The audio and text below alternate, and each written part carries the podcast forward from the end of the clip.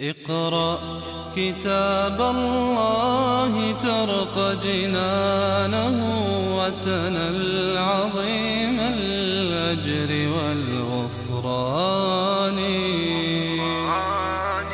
رتله روي القلب من نفحاته كالماء يروي لهفة العطشان. يقول الله سبحانه والسماء ذات الحبك. أقسم بالسماء ولم يقسم بالسماوات مع أن العادة أن الله تعالى يذكر سبع سماوات طباقا لكن هنا أقسم بالسماء وكأن المقصود جنس أو السماء الأولى التي تلينا والتي يراها الخلق أو المقصود كل ما علا وارتفع فكل ما علاك فهو سماء. وصفها بقوله ذات الحبك. والحبك فيه أكثر من خمسة أقوال للسلف والمفسرين. أفضلها وأجمعها قول ابن عباس رضي الله عنه إن المقصود بالحبك الحسن والجمال. وقيل الحبك الزينة في السماء. وقيل إن الحبك هي الطرائق مثل ما إذا نزل إذا الهواء ضرب الماء في بحيرة أو غيرها فإن الماء يصبح طرائق. هذه تسمى حبكا. وكذلك الرمال في الصحراء إذا ضربتها الرياح ونظرت إلى الرمل في الصحراء تجده يعني عبارة عن طبقات أو طرائق بعضها إلى جوار بعض. فهذه يسمونها حبكا أيضا. فقيل إن السماء كذلك ولكن الناس لا يرونها. فالله تعالى أقسم بالسماء ذات الحبك. يعني السماء ذات الجمال. ولقد زينا السماء الدنيا بمصابيح. فارجع البصر هل ترى من فطور ثم ارجع البصر كرتين. فيشير إلى جمالها. أقسم بالسماء ذات الحبك يعني ذات القوة. فإن السماء فيها قوة والحبك هو القوة. منه يقال الحبكة وحبك الكتاب وحبكة القول. إذا كان الشيء محبوكا وقد حبك حتى المؤامرة. أحيانا يقول الإنسان قد حبك مؤامرة ضد فلان أو علان إذا كان ضبطها وأتقنها ولم يجد يضع فيها فرجة للانكشاف. فيكون المقصود بالحبك إذن الحبك يعني الإتقان والضبط والقوة. فالله تعالى يقسم بالسماء ذات الحبك. إنكم لفي قول مختلف يؤفك عنه من أفك. هذا خطاب لكفار قريش. إنكم لفي قول مختلف. يعني بعضكم يقول محمد صلى الله عليه وسلم ساحر وبعضكم يقول شاعر وبعضكم يقول كاهن وبعضكم يشك وبعضكم يتردد. فلم تجتمعوا على شيء فهو قول واحد في حقيقته يجتمع على الكفر وعلى الإهمال وهو مختلف وهذا سر التعجيب منهم والقسم عليهم لأنه قد يقول قائل يقسم الله تعالى على شيء معروف هم يعرفونه فيكون الكلام لا أقسم الله سبحانه وتعالى تعجيبا من حالهم أن قولهم قول واحد ولكنه مختلف فهو في غاية التناقض ولم يتفقوا على شيء ولم يجمعوا على شيء في هذا القول فهو قول مضطرب وقول متناقض وهذا دليل على فساده ولهذا الله سبحانه وتعالى امتن بكون هذا القرآن كلاما منضبطا يصدق بعضه بعضا. الله نزل أحسن الحديث كتابا متشابها مثاني وقال أفلا يتدبرون القرآن؟ ولو كان من عند غير الله لوجدوا فيه ماذا؟ اختلافا كثيرا. فقال هنا إنكم لفي قول مختلف. يؤفك عنه من أفك. الأفك هو الصرف. إنسان مأفوك يعني مصروف. والصحيح في هذه الآية أن المقصود يصرف عن الإيمان لأنه غالبا إذا قيل مأفوك يعني عن الخير الغالب؟ فالمقصود أنه يصرف عن الإيمان من لم يشأ الله تعالى له الهداية. و يحتمل أن يكون المعنى يصرف يؤفك عنه يعني يصرف بسبب هذا القول الذي تقولونه. كما في قوله تعالى في الآية الأخرى وما نحن بتاركي آلهتنا عن قولك. وما نحن بتاركي آلهتنا عن قولك. إيش معنى عن قولك؟ أي بسبب قولك أو من أجل قولك. فهكذا هنا قال يؤفك عنه أي يؤفك بسببه بسبب هذا القول المختلف لأنهم كانوا إذا جاء أحد إلى مكة وقد تقاسموا أطرافها. فكل من دخل مكة خاصة في مواسم الحج أو غيرها وجد من قريش من يقول له ترى خرج عندنا رجل صابئ غير ديننا وسب آلهتنا وشتم أجدادنا وفرق جماعتنا وإنه مريض. ونحن الآن نطلب نطلب له الطب. وقد بعثنا في الأمصار يبحثون عن الأطباء وكذا حتى يعالجوا حاله. ويأتي آخر فيقول إنه ساحر له زمزمة وله رجز وله قصيد. ويأتي ثالث ويقول إنه كاهن وإنه عنده كلام الكهان وأقاويلهم. ويأتي رابع ويقول إنه شاعر عليه الصلاة والسلام.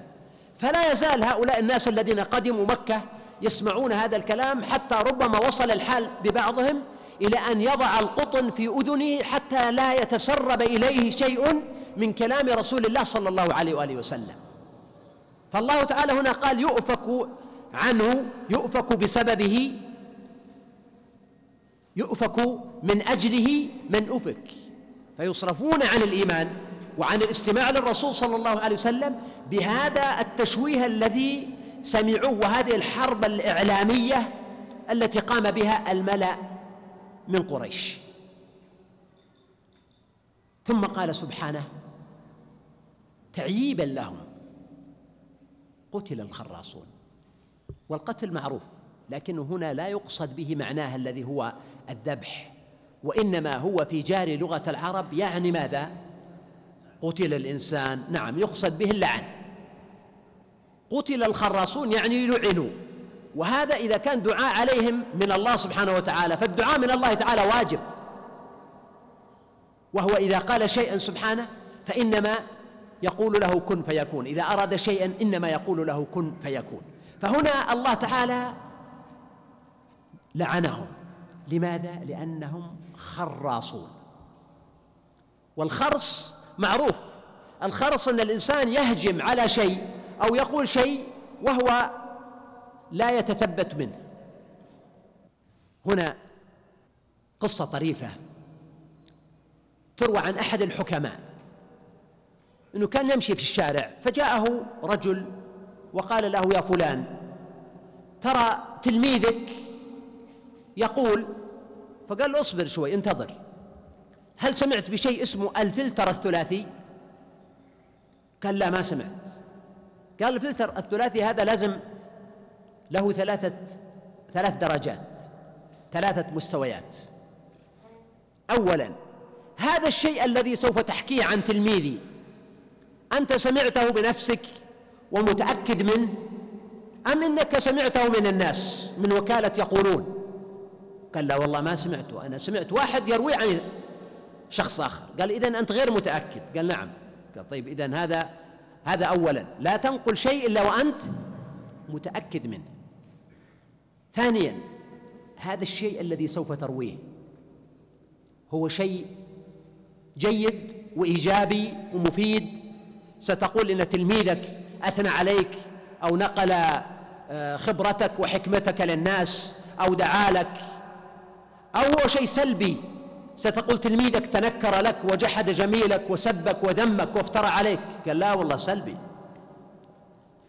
قال طيب الأمر الثالث هذا الشيء الذي ترويه لي هل في فائدة لي؟ في نهاية المطاف سأنتفع به أنا ومن الضروري أن أعرفه أن أعرفه أم لا فائدة لي فيه؟ قال والله الغالب أنه ليس لك فيه فائدة. فقالوا إذا دع هذا القول. فهنا الله سبحانه وتعالى يربينا في هذه الآية الكريمة قتل الخراصون على التحري والتثبت لأنه سبحانه يسب أولئك الذين يتخرصون. فهم أهل كذب وافتراء ويتكلمون بغير علم ويتحدثون في القضايا الكبرى والضخمة دون أن يكون عندهم بينة ولا حجة ولا هدى ولا كتاب منير. طيب هل كل خرص مذموم؟ هذا السؤال كل خرص مذموم ولا خرص من خرص؟ أكيد. يعني الخرص جاء في الشريعة في أشياء مادية مثل الخرص في النخل. إنه يأتي الإنسان يدخل المزرعة واحيانا التمر والطلع على رؤوس النخل لا يمكن لا يوزن ولا يكال. فالخارص هنا يقدر أن هذا النخل يقدر بكذا من الأوزان أو من المكاييل أو أن قيمته كذا بناء على خبرته. هذا خرص محمود أو مذموم؟ هذا محمود. محمود اولا لأنه في أشياء حسية مشاهدة ومرئية. ومحمود لأنه في مجال لا يمكن فيه إلا الخرص لا, لا يوجد ما يسد مسده. أما الخرص المذموم فهو الخرص في أمور لا يملك الإنسان فيها خبرة. الخرص في قضايا الاعتقاد. الخرص في مسائل الآخرة الدار الآخرة. في قضايا الجنة والنار في أمور الألوهية والغيب والبعث والحساب. هذه قضايا أصول قضايا اعتقاد.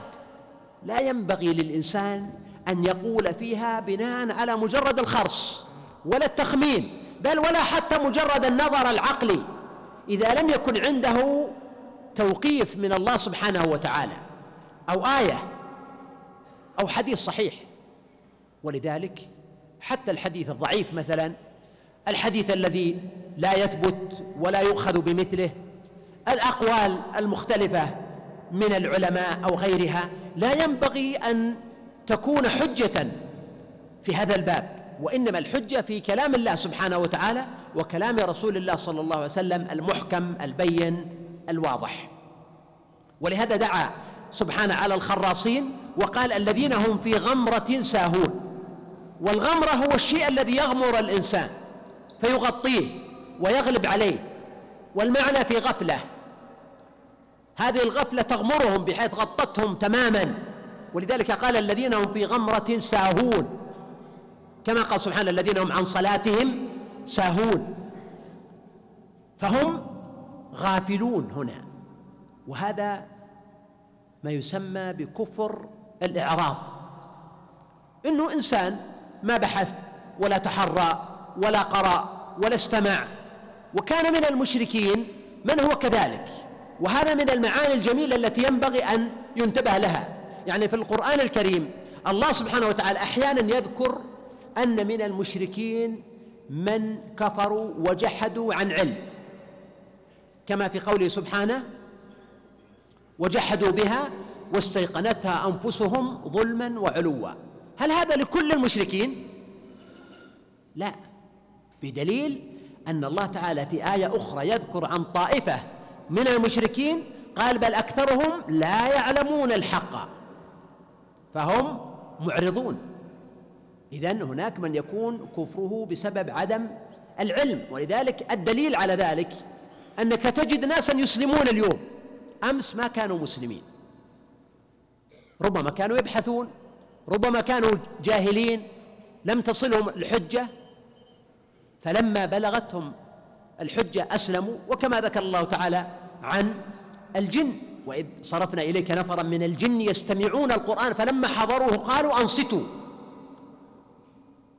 لاحظوا هنا الاهتمام فلما قضي ولوا إلى قومهم منذرين. فهنا الله تعالى قال الذين هم في غمرة ساهون كما قال سبحانه في الآية الأخرى والذين كفروا عما أنذروا معرضون.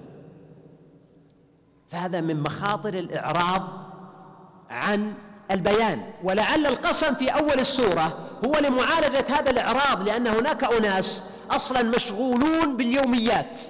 يعني عنده الصباح مثلا المتجر الظهر عزيمة بعد العصر عنده اجتماع مع الجماعة والقبيلة وبعد العشاء سهرة وبعد المغرب مع العائلة ولذلك لا وقت لديه لأن ينظر ولا وقت لديه لأن يبحث ولا وقت لديه يتحرى ولا وقت لديه يقرأ. فهؤلاء أحيانا يقع عندهم شيء من الغفلة ولذلك يأتي القسم حتى يعمل صدمة لعقول هؤلاء الناس ويدعوهم إلى التفكير اقرأ كتاب الله ترق جنانه وتنل عظيم الأجر والغفران. رتله روي القلب من نفحاته كالماء يروي لهفة العطشان